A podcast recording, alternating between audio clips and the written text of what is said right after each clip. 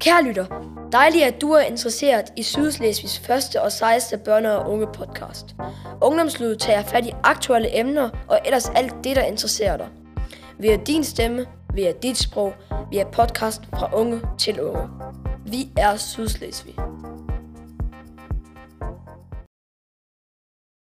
Hej, mit navn er Jonas, og jeg er en ud af tre podcaster fra Ungdomslyd. I dag taler jeg med håndboldlegenden Thomas Mogensen om, hvordan du i fremtiden kan opnå dine drømme eller mål. Tak Thomas, at du er kommet. Jeg synes, det er mega fedt. For er det selvfølgelig ikke en selvfølge, at du kommer. Jeg er meget imponeret over din karriere som håndboldspiller.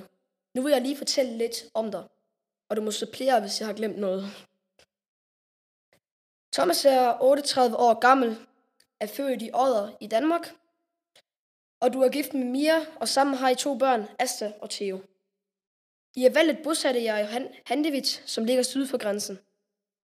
Thomas, hvad laver du egentlig i din fritid? Oha, det var lige på hårdt. Øh, først og fremmest tak, fordi vi måtte komme. Øh, som I kan se, så har jeg taget min søn Theo med. Øh, jeg synes, at det kunne give øh, podcasten et sjovt lille twist, så man måske kunne få øh, nogle forskellige synsvinkler på nogle af de ting, vi skal snakke om i dag. Øh, Ja, hvad bruger jeg min fritid til? Øh, jeg har jo som sagt fået familie, øh, som også kræver meget tid i forhold til at få, få planlægningen i hverdagen op og, og køre i forhold til, at der er en masse fritidsaktiviteter, som børnene de deltager i. Øh, jeg har faktisk øh, engageret mig som samarbejdsrådsformand på min børns skole, så jeg også kan holde øje med, hvad de øh, render og laver. Øh, og så er jeg fodboldtræner for, for Theos fodboldhold. Øhm, og ellers så bruger vi en masse tid med nogle, nogle skønne mennesker, som vi har lært at kende efter rigtig, rigtig mange år i, i Tyskland og især i Handewitt. Så øh, vi synes, der, der er masser af dejlige ting at få, at få tiden til at gå med, og øh, har det fantastisk. Og fedt at være her. Det lyder godt. Og hvilke fritidsinteresser havde du haft, da du var i min alder? Uha, øh, rigtig, rigtig meget sport. Øh, jeg har dyrket mange sportsgrene. Øh, nogen længere end andre, men øh, jeg havde sådan en idé om, at jeg skulle prøve rundt om rigtig mange forskellige. Så jeg har både spillet badminton, bordtennis, gået til svømning, håndbold, fodbold, øh, hvad har der været mere? Øh, jamen nærmest alt, hvad jeg kunne komme i nærheden af i, i den lokale øh, sportsforening i Odder, hvor jeg er født og opvokset. Øh, så det var den der nysgerrighed og lyst til at, at prøve nogle forskellige ting. Sammen med mine kammerater, dem jeg også gik i skole med, har jeg været så heldig, at øh, vi var rigtig mange, der havde de samme interesser. Så vi kunne faktisk øh, følges til rigtig mange ting og bruge rigtig, rigtig mange timer også uden for skolen sammen. Og det gør øh, faktisk også den dag i dag, at jeg stadigvæk ser rigtig mange af de, øh, de drenge, skråstrej mænd, er de jo så blevet til nu, som øh, jeg har lært at kende, dengang jeg var helt lille.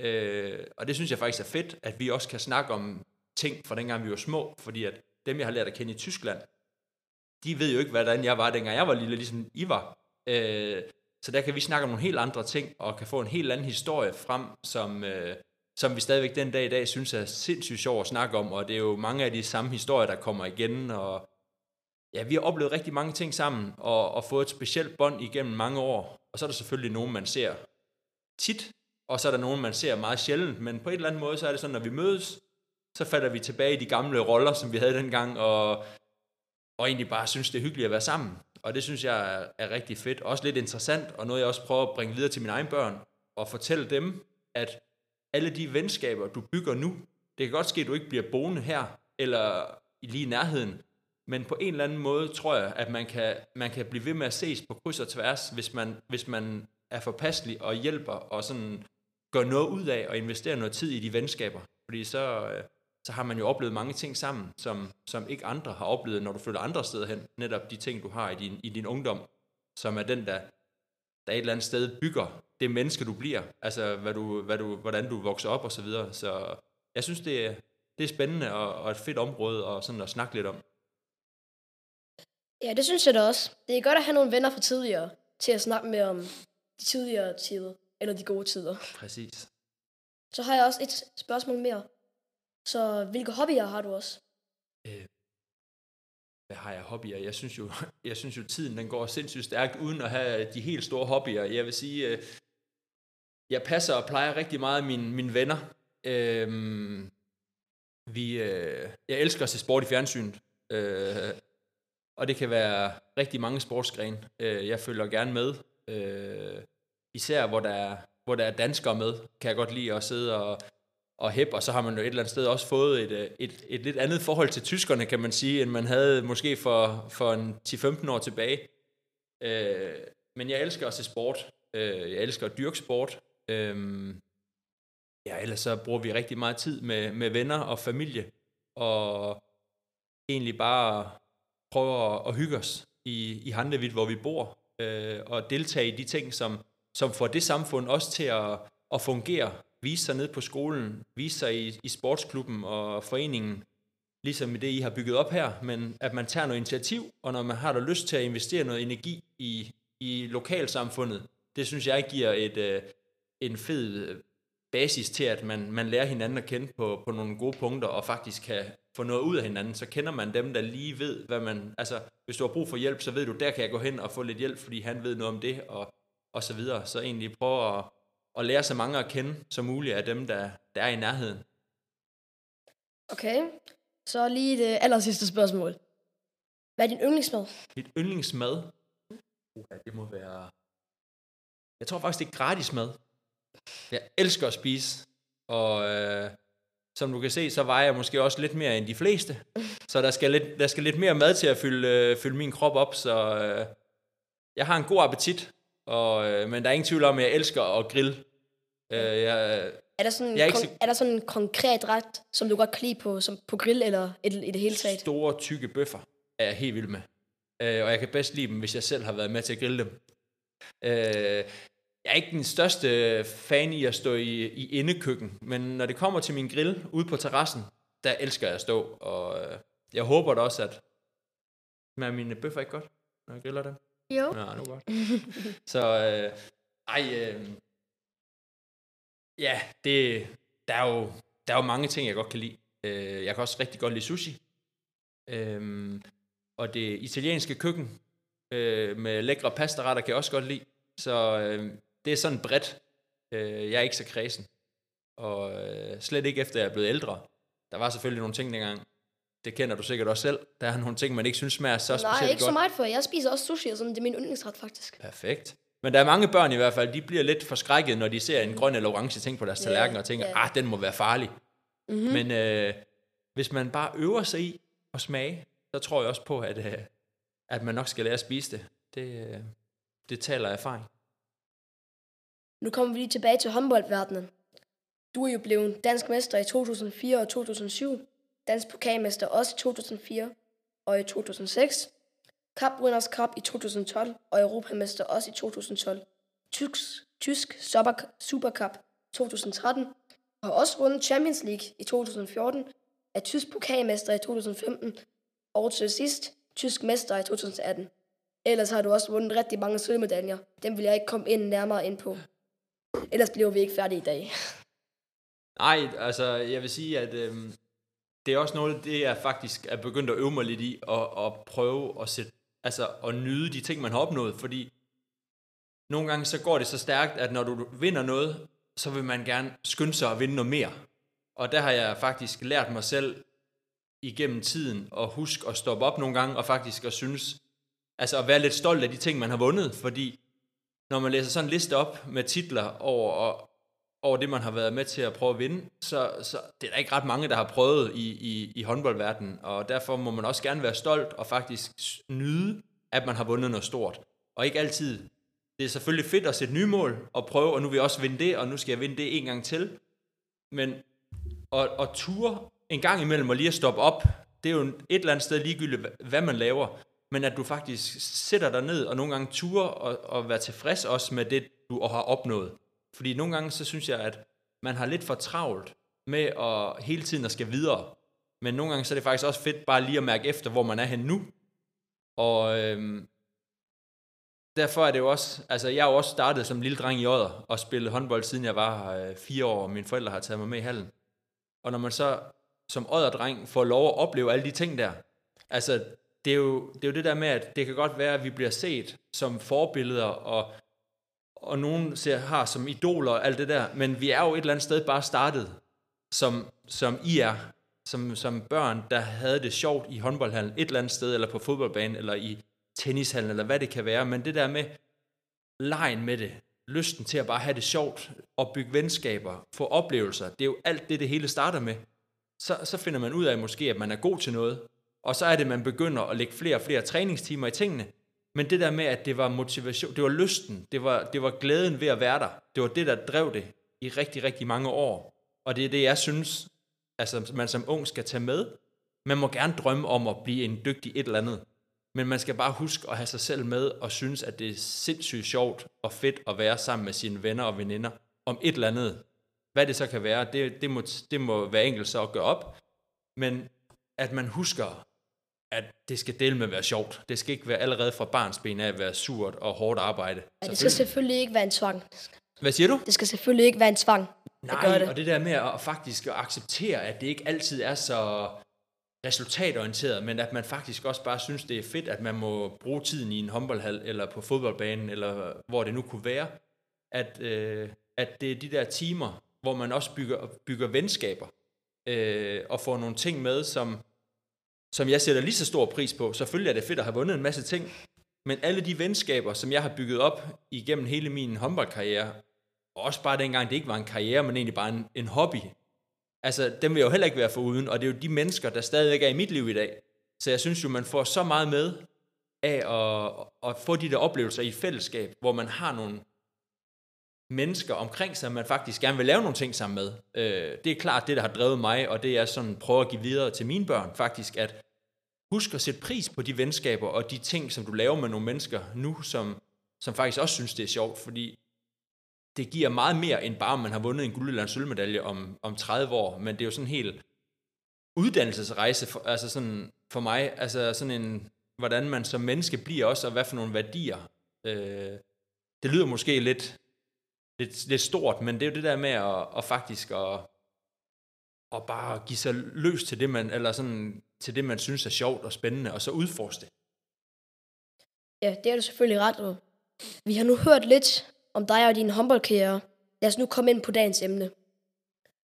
Hvad har været din største succes i, liv, i dit liv? Hvad der har været min største succes? Mm. Øh, det må være mine øh, to børn. Øh, sportsligt fylder rigtig, rigtig meget, men øh, der er ikke noget, der slår at sætte, øh, sætte børn til verden og, og få fornemmelsen af, hvordan det er at være forældre. Det, øh, det må jeg sige, det, øh, så finder man rigtig ud af, hvad, hvad livet går ud på, vil jeg sige. Hvornår har du besluttet at blive professionel håndboldspiller? Øh, jamen, jeg tror, altså, som jeg sagde tidligere, så voksede jeg jo op i, i Oddehallen, ude på fodboldbanen. Siden jeg var 4-5 år, har jeg rendt rundt dernede. Øh, synes, det har været fantastisk. Øh, når man så bliver lidt ældre, så kunne jeg jo godt fornemme, at jeg faktisk var en af de dygtige på holdet. Øh, og jeg, så, så begyndte man selvfølgelig at, at drømme, og i og med, at jeg også så en masse fjernsyn, altså sport i fjernsyn, så kunne det da være fedt at prøve at komme på landshold og alle de der ting, som man nu ser som ung. Øh, og så på et eller andet tidspunkt, så, så begynder man jo faktisk at mærke, så, begynder jeg, så begyndte jeg at blive udtaget til nogle af de der hold for de bedste spillere, hvor man så skulle hen og møde andre gode spillere fra nogle andre hold. Og så kunne man jo godt mærke, at, at man var faktisk godt på vej til det, som, øh, som man gik og drømte lidt om. Øh, og så for at det ikke skal være løgn faktisk, så i, øh, i folkeskolen, da jeg gik i, øh, i 9. klasse i 1998, der skal man i noget, der hedder erhvervspraktik, hvor du skal en uge et eller andet sted hen og prøve at arbejde i gåsetegn. Øh, et, som, øh, som noget andet, hvad, hvad du gerne vil i fremtiden. Og der tog jeg faktisk med en kammerat herned til Flensborg Handevidt. Jeg boede to timer væk herfra, men herned i praktik som professionel håndboldspiller. Øh, så vi skrev faktisk et brev til kontoret hernede i, øh, i klubben, om de kunne tænke sig at have to håndboldtosser for øjet af på besøg en uge, bare for at se, hvordan det vil være at være professionel håndboldspiller. Altså, vi kendte ikke nogen hernede. Vi tænkte bare, nu prøver vi at lave et eller andet vildt, og så, øh, så skriver vi til dem. Vi kan højst få et nej. Vil det, så vil man det så. Ja, og ved du hvad, så skrev de faktisk, at det ville de rigtig gerne. De ville rigtig gerne have os på besøg. Så da vi var 15 år, der tog jeg med, med min, øh, stadigvæk en af mine rigtig, rigtig gode kammerater, Ulrik, øh, med til Flensborg i en uge, og så fik vi lov at følge øh, alle de store stjerner Øh, en hel uge til videoforberedelse, til træning, til taktik. Bare sådan, hvordan det var at være. Og så sluttede vi faktisk af med at få lov at sidde og se en håndboldkamp øh, i Bundesligaen, hvor at, øh, de, sad, de, de tog to plastikstole, og så stillede de dem lige ved siden af bænken. Og så fik vi lov at sidde lige ved siden af udskiftningsbænken og se en Bundesliga-kamp, hvor det var eddermame stort, kan jeg sige der. For, Det for er to, også en stor drøm for mange. Ja, men jeg er ikke sikker på i dag, at man får lov at sidde på to stole lige ved siden af bænken, så øh, der, der er nok sket lidt, hvad, hvad angår det, men øh, det var det der med, jeg havde en, en forestilling om, at jeg vil gerne blive professionel, og så kommer man en uge til, ned til en professionel klub, og så skal vi skrive en, øh, en opgave om det ophold, og øh, så skriver jeg selvfølgelig en lang opgave om, hvor fed den uge var, og mig og min kammerat, vi havde en, en forrygende uge. Og så skrev jeg aller, aller sidst, PS, her skal jeg ned og spille. Det var min helt klare ambition. Det var så fedt det her. Her skal jeg ned og prøve at se, om jeg kan spille en dag. Og så gik der ni år, så fik jeg kontrakt i Flensborg. Så altså det der med, at der var en drøm, men der var også en realistisk drøm i min verden, som jeg kæmpede for. Og så lige pludselig, så gik den i opfyldelse, og det var, det var kæmpestort for, for en dreng for kan jeg sige der, som havde, havde været hernede som, som ung knægt, ikke? Og med, en, med en rigtig god folkeskolekammerat, og så lige pludselig stå midt i det hele selv. Det er noget af det største. Ja, det må man sige. Det var i hvert fald en, øh, en vild oplevelse, og det er noget, jeg stadigvæk bruger den dag i dag. Når jeg sådan tænker på motivation og drømme og alt det der, så har jeg et billede derhjemme, hvor mig og min kammerat, vi står sammen med tre af de danske landsholdsstjerner dengang. Øh, og det er det, jeg bruger det der med at visualisere, at, at du har faktisk nogle drømme og ønsker og mål, ikke? Og så er det bare at arbejde hårdt hen mod det, hvis det, hvis det stadigvæk er det, du vil senere jo. Hvem har støttet dig, da du var ung, med hensyn til at opfylde din drøm?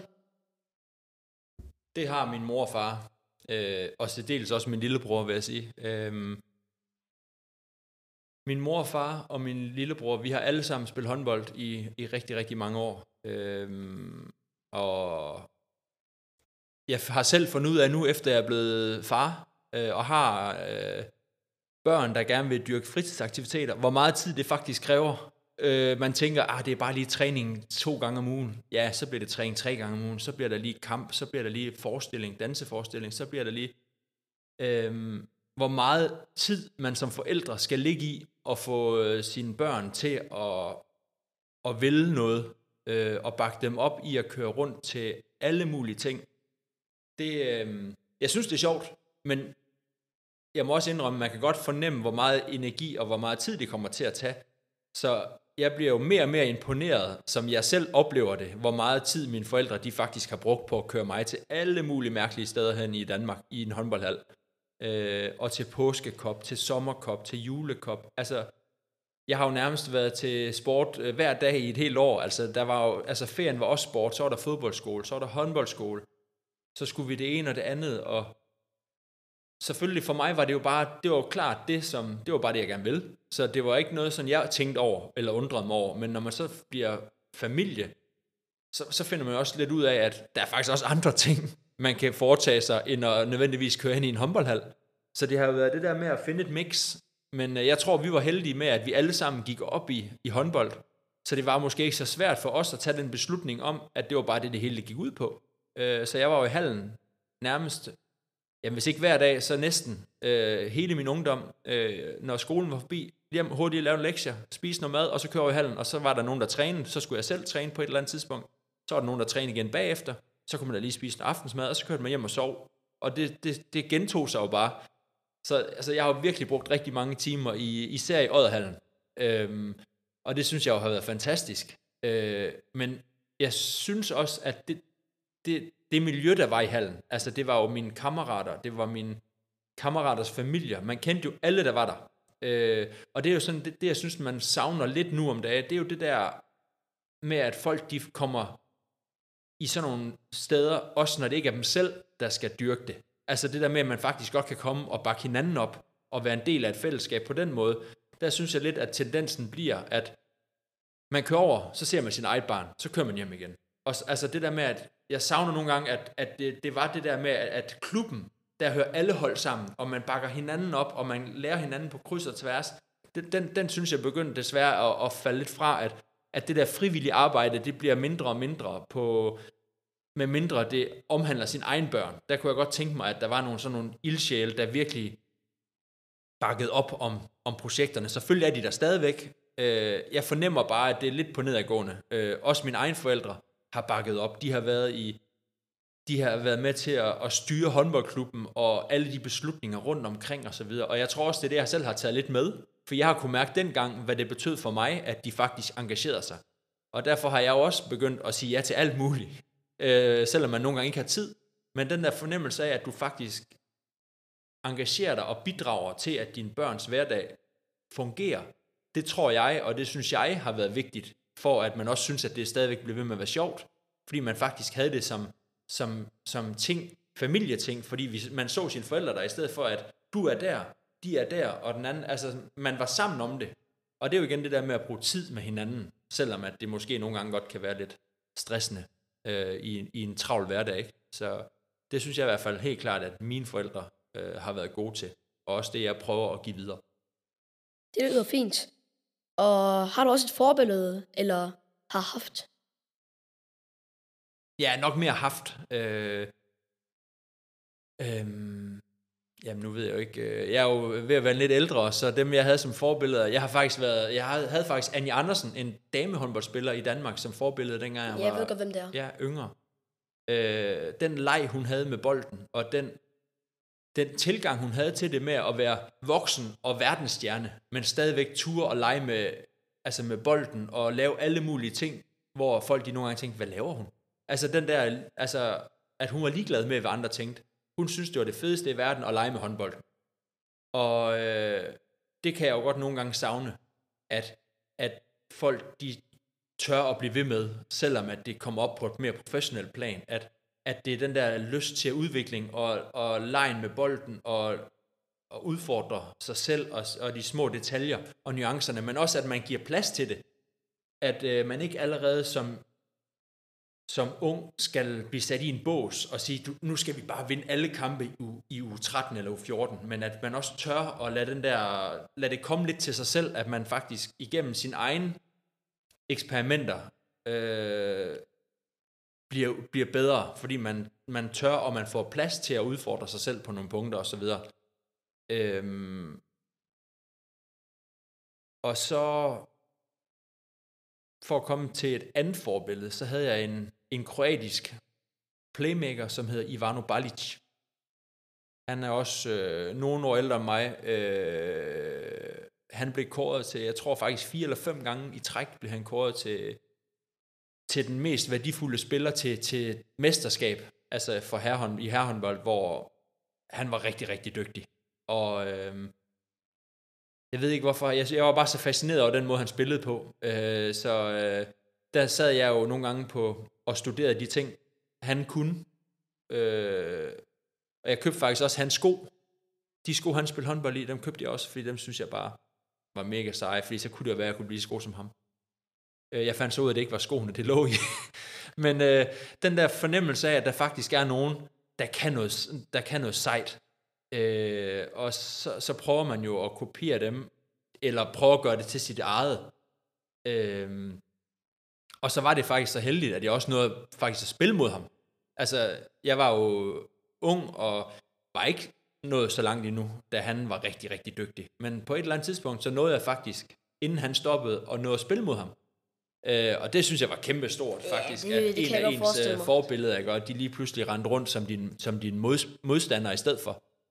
Øh, men så har jeg været, jeg har været imponeret af rigtig mange, altså, øh, men ja, de sidste mange år har det ikke været forbilleder, der har jeg bare været sådan imponeret over nogen, Hvad de kan. øh, hvad de kan, fordi jeg ved også selv, hvor meget det kræver, og, og det de, altså, man finder hurtigt ud af, at det de kan, hvor, hvor svært det egentlig er, altså, så jeg er jo egentlig bare, jeg, jeg er fascineret af, af dedikerede mennesker, som, som gør alt, hvad de kan, for at blive sindssygt dygtige til det, de har gang i. Om det så er det ene eller det andet, det er jeg faktisk lidt ligeglad med, men at mærke den der passion og dedikation for at yde hver evig eneste dag til at prøve at blive bedre, det synes jeg jo er en egenskab, man både kan som sportsmand, men også alle mulige andre steder, at du faktisk ved, at det kræver arbejde, gentagelser, træning, øvelse, for at blive bedre. Og det er jo i, i alt, hvad du skal foretage dig. Øh, og det er jo også det, jeg synes, sådan, man prøver at forklare sine børn. Det kan godt ske, du vil være, det er let at sige, at du vil være god, men du bliver nødt til også at vise, at du faktisk altså, vil blive bedre ved at, ved at øve dig. Fordi ellers så kommer man ingen vegne. Der er jo ikke nogen, der bare bliver god til noget uden at prøve, eller øve sig, eller gentage. Og det kan godt være, at det nogle gange koster nogle sure timer, fordi man skal prøve igen og prøve igen, og man måske ikke lige kunne i starten. Men øh, hvis du bliver ved, så er jeg sikker på, at du en eller anden dag nok skal knække koden, og så bliver du rigtig dygtig. Tak for tipene. Jeg har også prøvet at få en genstand fra nogen. Jeg har været til håndboldkamp sammen med min far, og jeg fik et, et svedbånd fra Rasmus Lauke. Og jeg har også spillet håndbold, jeg har også spillet fodbold og mange andre ting også. Jeg tænkte, ja, yeah, nu kan jeg gå til træning og blive meget bedre. Kun fordi jeg har den. Jeg har også aldrig fået den vasket. Den ligger stadigvæk derhjemme. Fedt. Og jeg har også købt nogle bas, de samme basketballsko, som for eksempel James Harden har. Ja. For jeg synes også ret godt om ham som.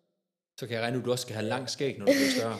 nej, nej, nej. Det, nej, det skal jeg ikke. Nå, jeg tror ellers, det, det, det, det, det kan jeg ikke, kan jeg ikke vide endnu, men sådan, jeg ved godt, hvad du mener, når du fortæller det, ja. sådan på en måde. Øhm, så kommer vi lige til et næste spørgsmål. Ja, må jeg lige hurtigt tilknytte, altså ja, det der med noget. Det er, helt okay. det er egentlig i forhold til det der med, at, at nu får du et, et svedbånd fra Rasmus Lauke, og tænker, at det er det fedeste i hele verden, og ja. du får energi igennem det. Mm-hmm. Men det er jo også igen der, så, så begynder man at drømme, og, og, og måske tænke, er det det her, jeg gerne vil?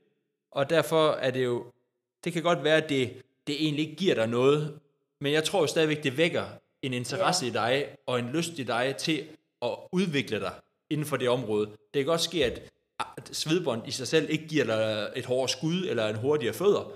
Men jeg tror jo, inde i dit hoved, der giver det dig den der gnist, der skal til, for at du har lyst til at ja, kæmpe øh... lidt hårdere næste gang. Og det er det samme, når jeg kommer i håndboldhallen. Altså, selv min sidste tid i Flensborg, når jeg kom ind i hallen og kiggede op på tilskuerpladserne, og så nogen, der stod med trøje nummer 10, som var min trøje, jamen jeg fik gåsehud. Altså selvom jeg har været der i 11 år, og har spillet rigtig, rigtig mange kampe, men at komme ind i hallen og se, at der faktisk er nogle mennesker, der, der har lyst til at købe min trøje, hvor jeg siger, hvad skal de med den?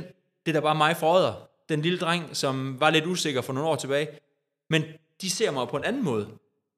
Og derfor bliver jeg også meget bevidst om, at jeg har faktisk ansvar over for, hvordan jeg altså, opfører mig, og hvordan jeg agerer, fordi der er faktisk nogen, der, der gider bruge deres egen lommepenge på at gå ned og købe en trøje med mig på. Altså det var, det, den dag i dag, synes jeg stadigvæk, det er, det er surrealistisk, at der er nogen, der gør det. Øh, og det tror jeg også har, at, at man, man har nogle værdier, der gør, at man ikke bliver for et eller andet, fordi man har noget succes inden for et område.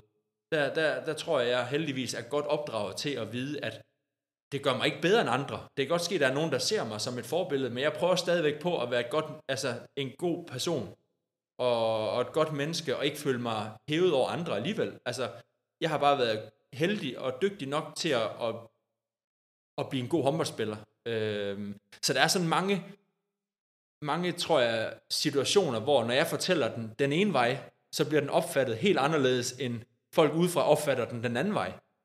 Og øh, der er også tit, hvor jeg får at vide, at du er da slet ikke så farlig, som du ser ud. Altså sådan, det der med, at, hvad, hvad, hvad tænker I om mig? Altså, ja, for mig er jeg jo stadigvæk bare mig. Du er bare dig. Øh, men man, det, det kræver alligevel noget at lære, og, og vide, at alle rundt om dig, de har en holdning til dig. Og det, det, det er også noget, der tager tid, og det er også noget, jeg har haft svært ved i starten, men som er heldigvis blevet mere erfaren med. Øh, og lige sådan, når jeg kommer ned i skolen, så vil jeg jo meget hellere komme ned i skolen som Asta og Theos far, en håndboldspilleren, som bare bringer sine børn. Ikke? Så, så det, det, er en, det er en sjov, øh, sjov måde, det der med, hvordan man bruger ting til at, at skabe motivation og, og drømme og, og inspiration for hinanden. Jeg har jo både haft forbilleder, eller idoler og forbilleder, men er også blevet betegnet som det. Og det er jo det, der er så sjovt, ikke? At, at tage lidt fra begge sider, fordi jeg tror jo, man kan bruge begge dele til at, at skabe den bedste udgave af sig selv. Hvad har du egentlig konkret gjort for at blive professionel håndboldspiller? Åh, oh, jeg har trænet rigtig meget, kan jeg sige dig. Øh, det er faktisk sjovt, for jeg er en af mine ungdomstrænere i Odder. Øh, jeg kan ikke helt huske, hvor gammel jeg var. Men han sagde til mig, hvis jeg vil være god, så skal jeg træne meget. Og hvis jeg vil være bedre end de andre, så skal jeg træne mere end de andre. Og jeg ved ikke hvorfor, den har bare altid fulgt mig, at hvis jeg bare sådan træner lidt en gang imellem, jamen så bliver jeg sikkert dygtig. Men hvis jeg træner lidt mere, end jeg ved, de andre gør, så er muligheden for, at jeg bliver bedre end de andre, også stor. Det kan også ske, at det ikke altid lykkes, men det der med, at du, du, du investerer mere tid end andre, så, um, så er hvad hedder det, forudsætningerne for, at du bliver dygtigere til det end andre, også større. Så er der selvfølgelig noget med talent, og hvis man har det naturlige talent og så videre, så kan det godt være, at man, man har lettere ved at komme op til et vist niveau. Men jeg tror på, at, at du kan, med talent kan du kun komme noget af vejen. Hvis du ikke har det der med, og du bliver ved med at øve dig, og du bliver ved med at træne, og du bliver ved med at, at investere tid i det, så på et eller andet tidspunkt, så tror jeg på, at det hårde arbejde, det overhaler talentet. Og det er det, jeg også altid har arbejdet ud fra, fordi da jeg kom første gang kom med på sådan, det hed, det hed yndlingelandshold dengang, hvor vi var, hvad var vi der, 17-18 år, hvor der kunne jeg jo godt se på nogle af de andre, åh, oh, de var store og stærke og kunne skyde hårdt, og nok også lidt hårdere, og var lidt stærkere end jeg var. Men jeg vidste også godt, at hvis jeg gav den en ordentlig skalle i træningslokalet, så må ikke jeg godt lige kunne overhale dem på et tidspunkt. Og så er det bare at klø på og klø på og klø på. Og jeg kunne godt mærke, at der var nogle af dem, når de så begyndte at møde modgang, de var vant til, at de var så talentfulde, at de bare hurtigt kom derop. Men når de så begyndte at mærke modgangen, og åh, nu er det faktisk også lidt hårdt, nu skal jeg ud og træne, åh, det er faktisk ikke særlig sjovt at løbe her øh, lørdag morgen, hvor de andre laver noget andet. Men i og med, at jeg godt kunne det, så tror jeg, at jeg overhalede rigtig mange på vejen, øh, fordi at jeg netop investerede en masse hårdt arbejde, og det er jo også det, jeg prøver at bruge i resten af min tilværelse, og alle de andre ting, jeg efter, skal lave efter min håndboldkarriere, det der med at øve sig, dedikere sin tid til det, og være bevidst om, at der er ikke noget, der bare kommer af sig selv, men at man investerer tid, og man finder en vej, der også er sjov og motiverende for dig. Fordi at selvfølgelig kan alle blive dygtige til at løbe, hvis de bare løber alt, hvad de kan hele tiden. Men det er ikke særlig sjovt. Så det er jo med at finde den vej, der motiverer lige præcis dig. Jeg kan jo godt komme med et forslag til, hvordan du skal blive god, men hvis du ikke synes, det er den rigtige vej, så er chancen ikke ret stor for, at du bliver god, fordi så mister du motivationen og lysten til det. Så du skal sådan prøve at finde den vej, du sådan kan mærke, jeg får lavet en masse, men jeg synes også stadigvæk, det er sjovt at stoppe og lave det. Okay. Der var det største nederlag. Ej, jeg har haft et par stykker, vil jeg sige. Nu fik du det jo sagt så flot før, hvor mange ting jeg havde vundet, men øh, der, er også, øh, der er også et par sølvmedaljer, der går ondt. Øh, jeg, har, jeg har selvfølgelig tabt nogle finaler til nogle hold, hvor vi bare synes, de var bedre end os. Så gør det ikke helt så ondt. Det, er stadig, det gør stadigvæk rigtig ondt, for jeg, det der med at tabe, det har jeg altså rigtig lært. Men øh, når man taber en finale, hvor man egentlig synes, man var bedst, så er, det, så er det træls at stå med den sølvmedalje og se på nogen juble over, at de skulle have haft min guldmedalje, eller de tog den guldmedalje, jeg skulle have haft om halsen, ikke? Øh, så jeg vil sige, at jeg har tabt en pokalfinale til, øh, til Berlin med Flensborg, hvor der var vi sikre på, at vi skulle vinde. Det gjorde vi bare ikke. Så det gjorde lidt ondt. Det var nok ligesom, hvis Køln vandt mod Bayern, ikke? Sådan, det må også have gjort ondt for Bayern. Ja, jo, men det er jo, men det er jo også igen det, det sport kan. Fordi da vi så vandt Champions League for eksempel, med Flensborg, der var ikke nogen, der havde regnet med, at vi skulle vinde, fordi vi var langt fra det bedste hold. Så der vandt vi jo noget, som, hvor vi måske ikke var spået til at vinde. Så det er jo igen det der med, at det er jo også det, jeg synes, det er så fascinerende, at du ikke bare kan kigge på og sige, de er bedst, så de vinder. Sådan er det heldigvis ikke altid sport, for så har det også været rimelig forudsigeligt og rimelig kedeligt som tilskuer. Øhm, så jeg synes jo, den der uforudsigelighed, der er i sport, det er jo den, der er så fascinerende for mig, at, at selvom du er, du er dygtig, så kan der godt være nogle andre faktorer, det mentale inde i hovedet. Er du nervøs? Er du spændt? Får du et eller andet, en skade på en vigtig spil? Der er mange ting, der kan gå ind og påvirke resultatet. Og, øhm, og det gør jo så, at det ikke altid går, som man gerne vil have det. Øh, men jeg tror jo også på, at i og med, at du får nogle nederlag, der gør ondt, altså dem, du, hvor du rigtig kan mærke det i maven i mange, mange måneder bagefter, det er jo også det, man lærer af. Altså den der følelse, den, den vil du helst ikke have igen. Og det giver jo så motivation og lyst til at blive endnu bedre, fordi at du netop har oplevet noget, du synes ikke var så sjovt. Så øh, på den måde sådan kan man godt bruge det. Det er jo det der med at lære at bruge nederlagene synes jeg, fremadrettet, fordi vi taber alle sammen i et eller andet. Eller vi når ikke lige det, vi gerne vil. Men så i stedet for at være ked af det, og bruge det sådan, åh, så kan det også bare være lige meget. Så må man gerne være skuffet og ked af det, men find en, en god måde, hvor du kan få ud en, en noget positivt ud af det, og så sige, næste gang, så skal det være sådan her, i stedet for det, jeg lige har oplevet.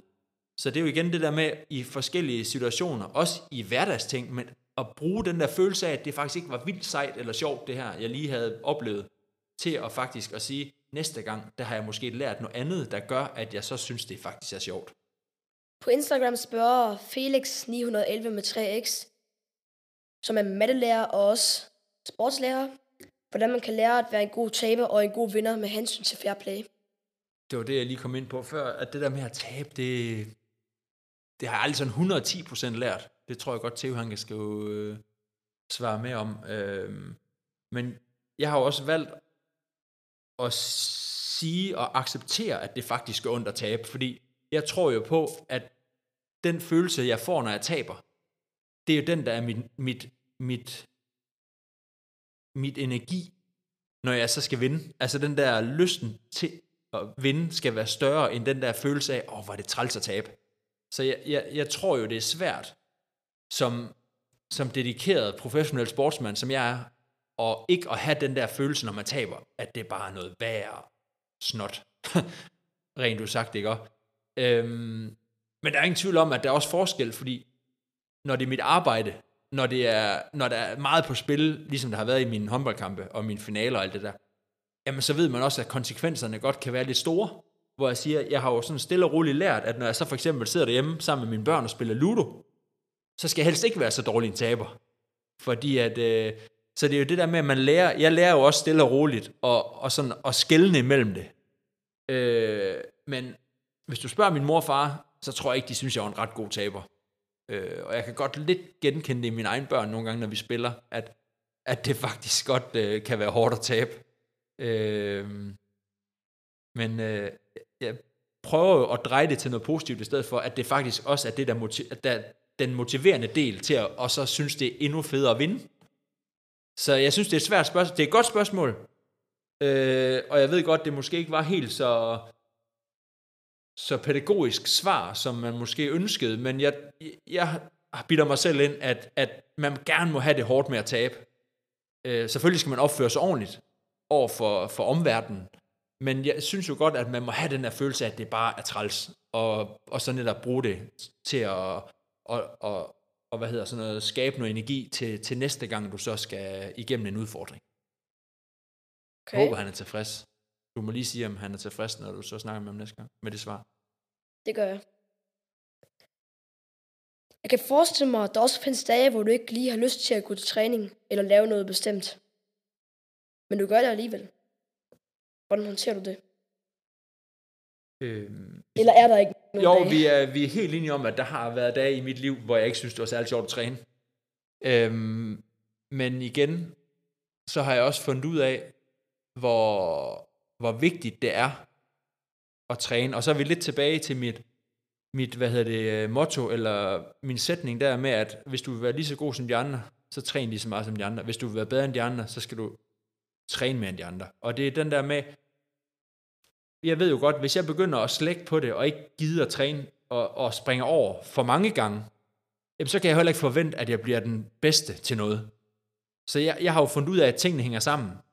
Øh, at, at det kræver hårdt arbejde. Der er, ikke nogen, der er ikke nogen vej udenom at blive god til noget. Det kræver hårdt arbejde. Og dem, der kan håndtere det bedst, og dem, der kan, kan træne flest gange, øh, og på en eller anden måde finde noget motivation. Det er også det der med at lære, det kan godt være, at hver træning ikke er en, hvor du bare tænker, det er den fedeste træning i verden, eller du havde det sjoveste i hele verden. Men hvis du kan finde den der energi i at vide, at det du gør nu, det er det, der på sigt skal skabe det, du gerne drømmer om, så tror jeg jo, det er lettere at tage til træning. Altså at vide, at løbeturen lørdag morgen, den er ikke, særlig, den er ikke specielt sjov lige når du står der, men det er den, der gør, at du også er god nok til at så træne næste gang, og næste gang at blive bedre og faktisk være med til at vinde nogle ting. Altså så det der med at have de der mål ude i horisonten, som jeg, som jeg gerne vil nå, der vidste jeg bare, at jeg skulle træne rigtig meget. Og det var det, der skabte en masse energi til de hårde dage, der også var. For der har også været tidspunkter, hvor jeg stod på løbebanen og tænkte, det her, det gider jeg bare ikke. Men øh, oftest har man kunne finde energi i det alligevel, fordi man vidste, det var nødvendigt. Øhm, og så længe at de fleste dage er sådan, så tror jeg også, at man kommer godt igennem det. Der er ingen tvivl om, hvis du 9 ud af 10 gange synes, det er træls at træne, jamen, så er jeg ikke sikker på, at du, du skal træne. Altså, så, så er det måske ikke det rigtige sted, du er. Så, så for mig er det jo den der med, at du helst oftest skal synes, det, det er sjovt, det du gør. Øh, jeg har heldigvis også synes længe, at det er sjovt at løbe og styrketræne og alle de der ting, det kræver ved siden af. Øh, man kan så også godt mærke, når man bliver ældre, øh, nu inden for min sportsgren, der er jeg jo en af, de, en af de rigtig gamle, kan man sige. Og det kan jeg også godt mærke på min krop, at den igennem mange år har fået nogle tæsk og har trænet rigtig mange gange. Så jeg har skulle ændre lidt i mine ting, for at, øh, for at kunne blive den bedste håndboldspiller stadigvæk. Fordi at jeg har måttet acceptere, at der er nogle ting, det kan jeg simpelthen bare ikke holde til længere. Og det har været mentalt inde i mit hoved, jeg har skulle ændre nogle ting. Og det er jo en erkendelse, jeg også skal komme til, for at kan blive endnu bedre, at, at man måske ikke skal gøre tingene, som man plejer, men også hele tiden være klar på at ændre nogle små ting.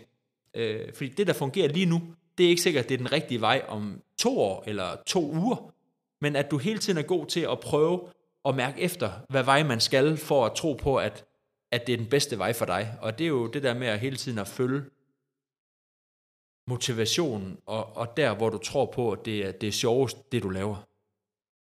Okay. Hvilke mål har du aktuelt, aktuelt, og hvad gør du for at opnå dem? Jamen, øhm, da jeg var yngre, gik jeg rigtig meget op i, og jeg skulle vinde rigtig mange ting. Altså, jeg vil bare vinde. Altså, jeg vil, når jeg var færdig, så skulle jeg kunne sige, at jeg havde vundet det og det og det og det. Jeg vil rigtig gerne stadigvæk vinde. Øh, men jeg kan mærke, at, at at stå med guldmedaljen og pokalens allersidst, den har faktisk ændret sig lidt for mig. Det er ikke nødvendigvis det største længere. Det, det fedeste for mig lige nu, det er at være med til at udvikle andre mennesker. Altså, jeg bliver et bedre menneske ved at føle, at jeg kan bidrage til andre mennesker. Øh, men det tror jeg også, fordi jeg har prøvet rigtig mange ting, så har jeg lyst til at... Der er jo mange af de holdkammerater, jeg har lige nu, de er jo tættere på mine børns alder, end de er på mig. Altså, så, så unge er de i forhold til mig. Og derfor skal jeg jo finde motivation i at være med til, selvfølgelig stadigvæk selv at være dygtig, men jeg kan mærke, at jeg bliver drevet mere af at bidrage med min erfaring og rutine og de ting, jeg har prøvet, til at gøre dem bedre, så vi som hold kan fungere.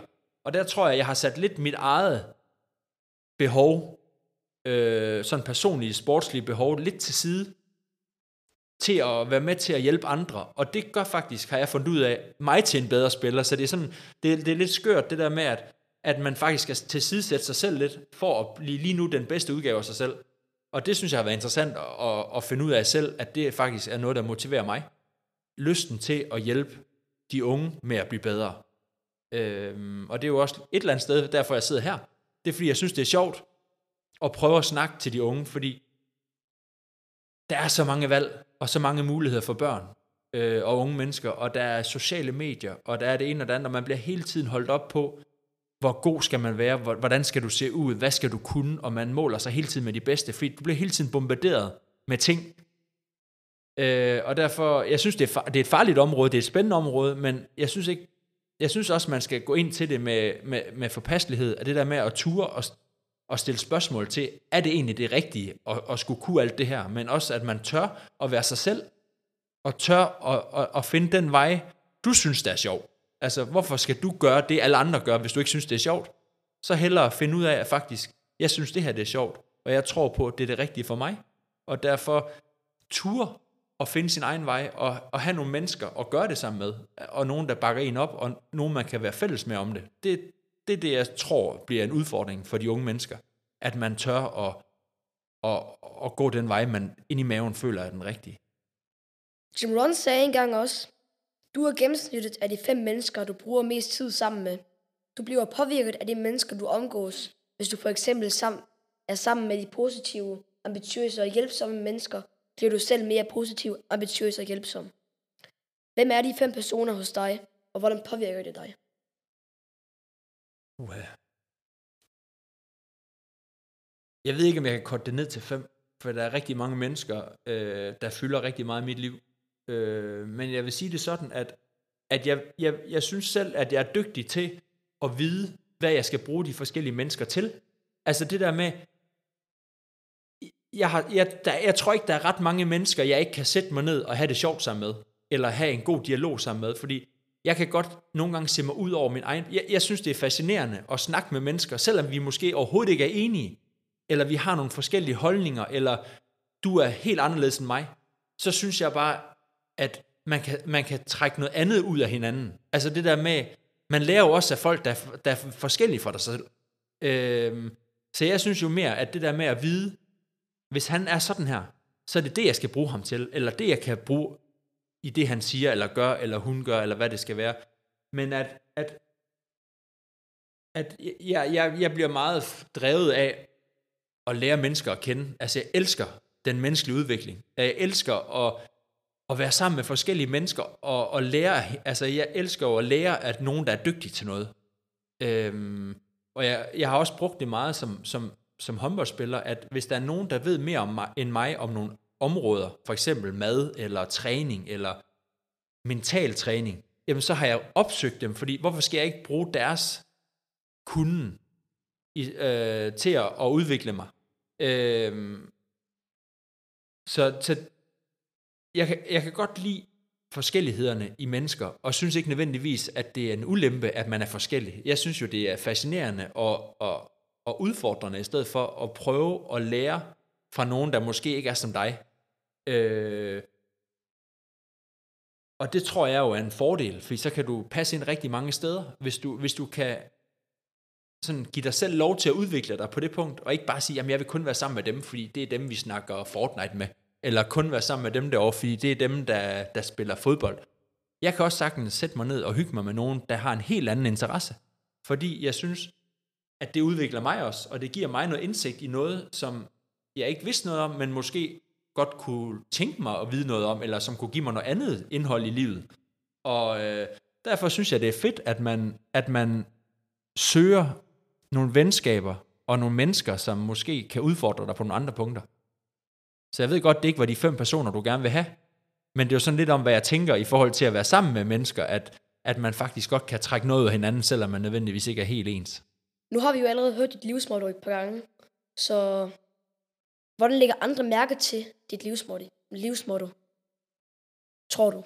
Øhm, jamen, jeg er blevet fortalt rigtig mange gange, at folk er fascineret over den dedikation, jeg har til at, at træne og passe mine ting, og selv i, i sommerferie og vinterferie og alle de der ferier, man får, at jeg står i styrkelokalet, jeg løber på vejen, altså jeg, jeg gør alle de ting, der skal til for at stå skarpt, når man så mødes. Altså, jeg har den der selvdisciplin til at gøre de ting, jeg ved, der fungerer, for at jeg kan forblive og være dygtig. Og det er også derfor, jeg tror, at jeg næsten i en alder af 39 år stadigvæk spiller professionel håndbold.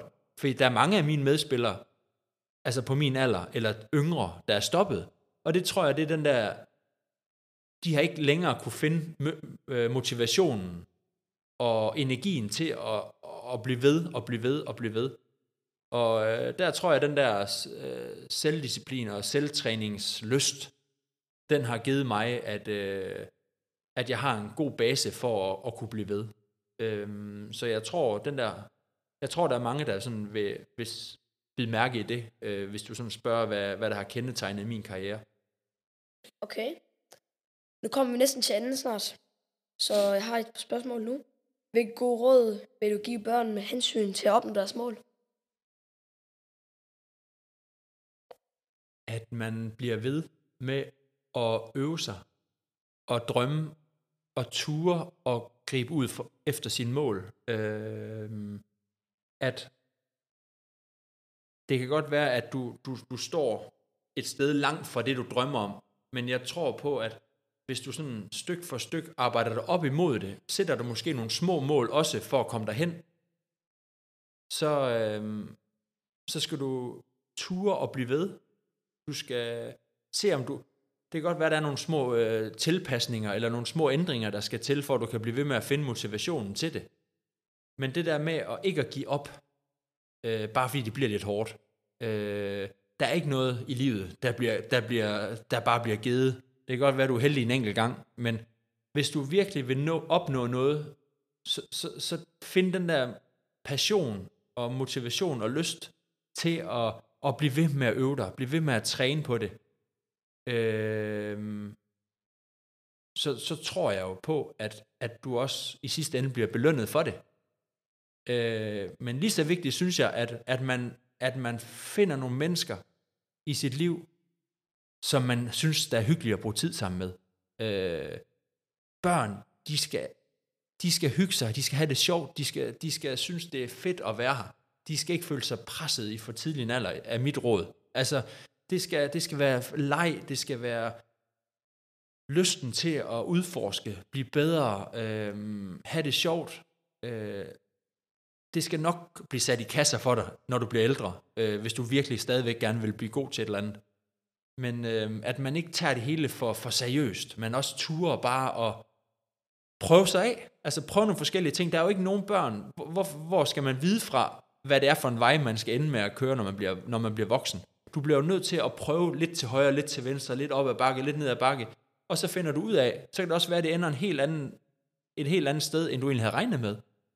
Men det der med, at man tør at, at prøve lidt forskelligt, og øh, ikke være bange for, at det ikke lige gik, som det gik, fordi jeg tror jo stadig på også, at man kan lære noget af at ende nogle steder, hvor det måske ikke lige var der, man skulle have været.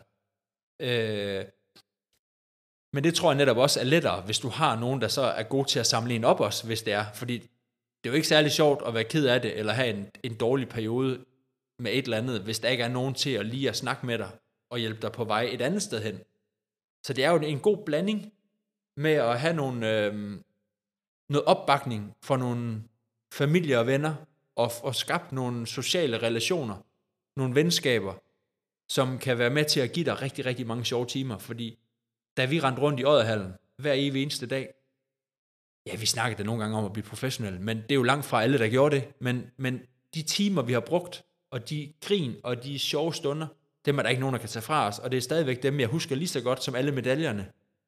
Så, øh, så de værdier, man lærer i et fællesskab, dem synes jeg jo er mere vigtige, end nødvendigvis at blive professionel for det ene eller det andet, eller blive, hvad det kan være, men at man egentlig bare øh, får fundet en, en vej, som du synes er sjov og spændende og interessant, så er det fuldstændig ligegyldigt, hvad andre synes. Nu vil jeg gerne komme hen til at snakke lidt med Theo, som er Thomas' søn. Og så har jeg lige et spørgsmål her. Hvilke mål har du? Altså, jeg drømmer om at blive håndbold- eller fodboldstjerne indtil videre. Har du også nogle idoler i håndbold eller fodboldverdenen? Nok bare i Øh. håndbold, men i fodbold? Ja, i fodbold, der har jeg Ronaldo. Det er en af mine store idoler. Er der nogen i skolen eller andre steder, som taler med dig om, at din far er berømt, eller er legende, eller er der mange, der snakker om det? Altså, ja, nogle af mine venner, de gør i hvert fald. Også andre. Okay. Og hvilke ting har du lært af din far med hensyn til at opnå det, du gerne vil? Altså, når man taber, så skal man aldrig give op og bare prøve at vinde igen næste gang. Og at man aldrig skal give op. Okay. Tak for det. Um, nu er vi ved at være færdige, og jeg har lært rigtig meget om, hvordan børn og unge kan opnå deres mål.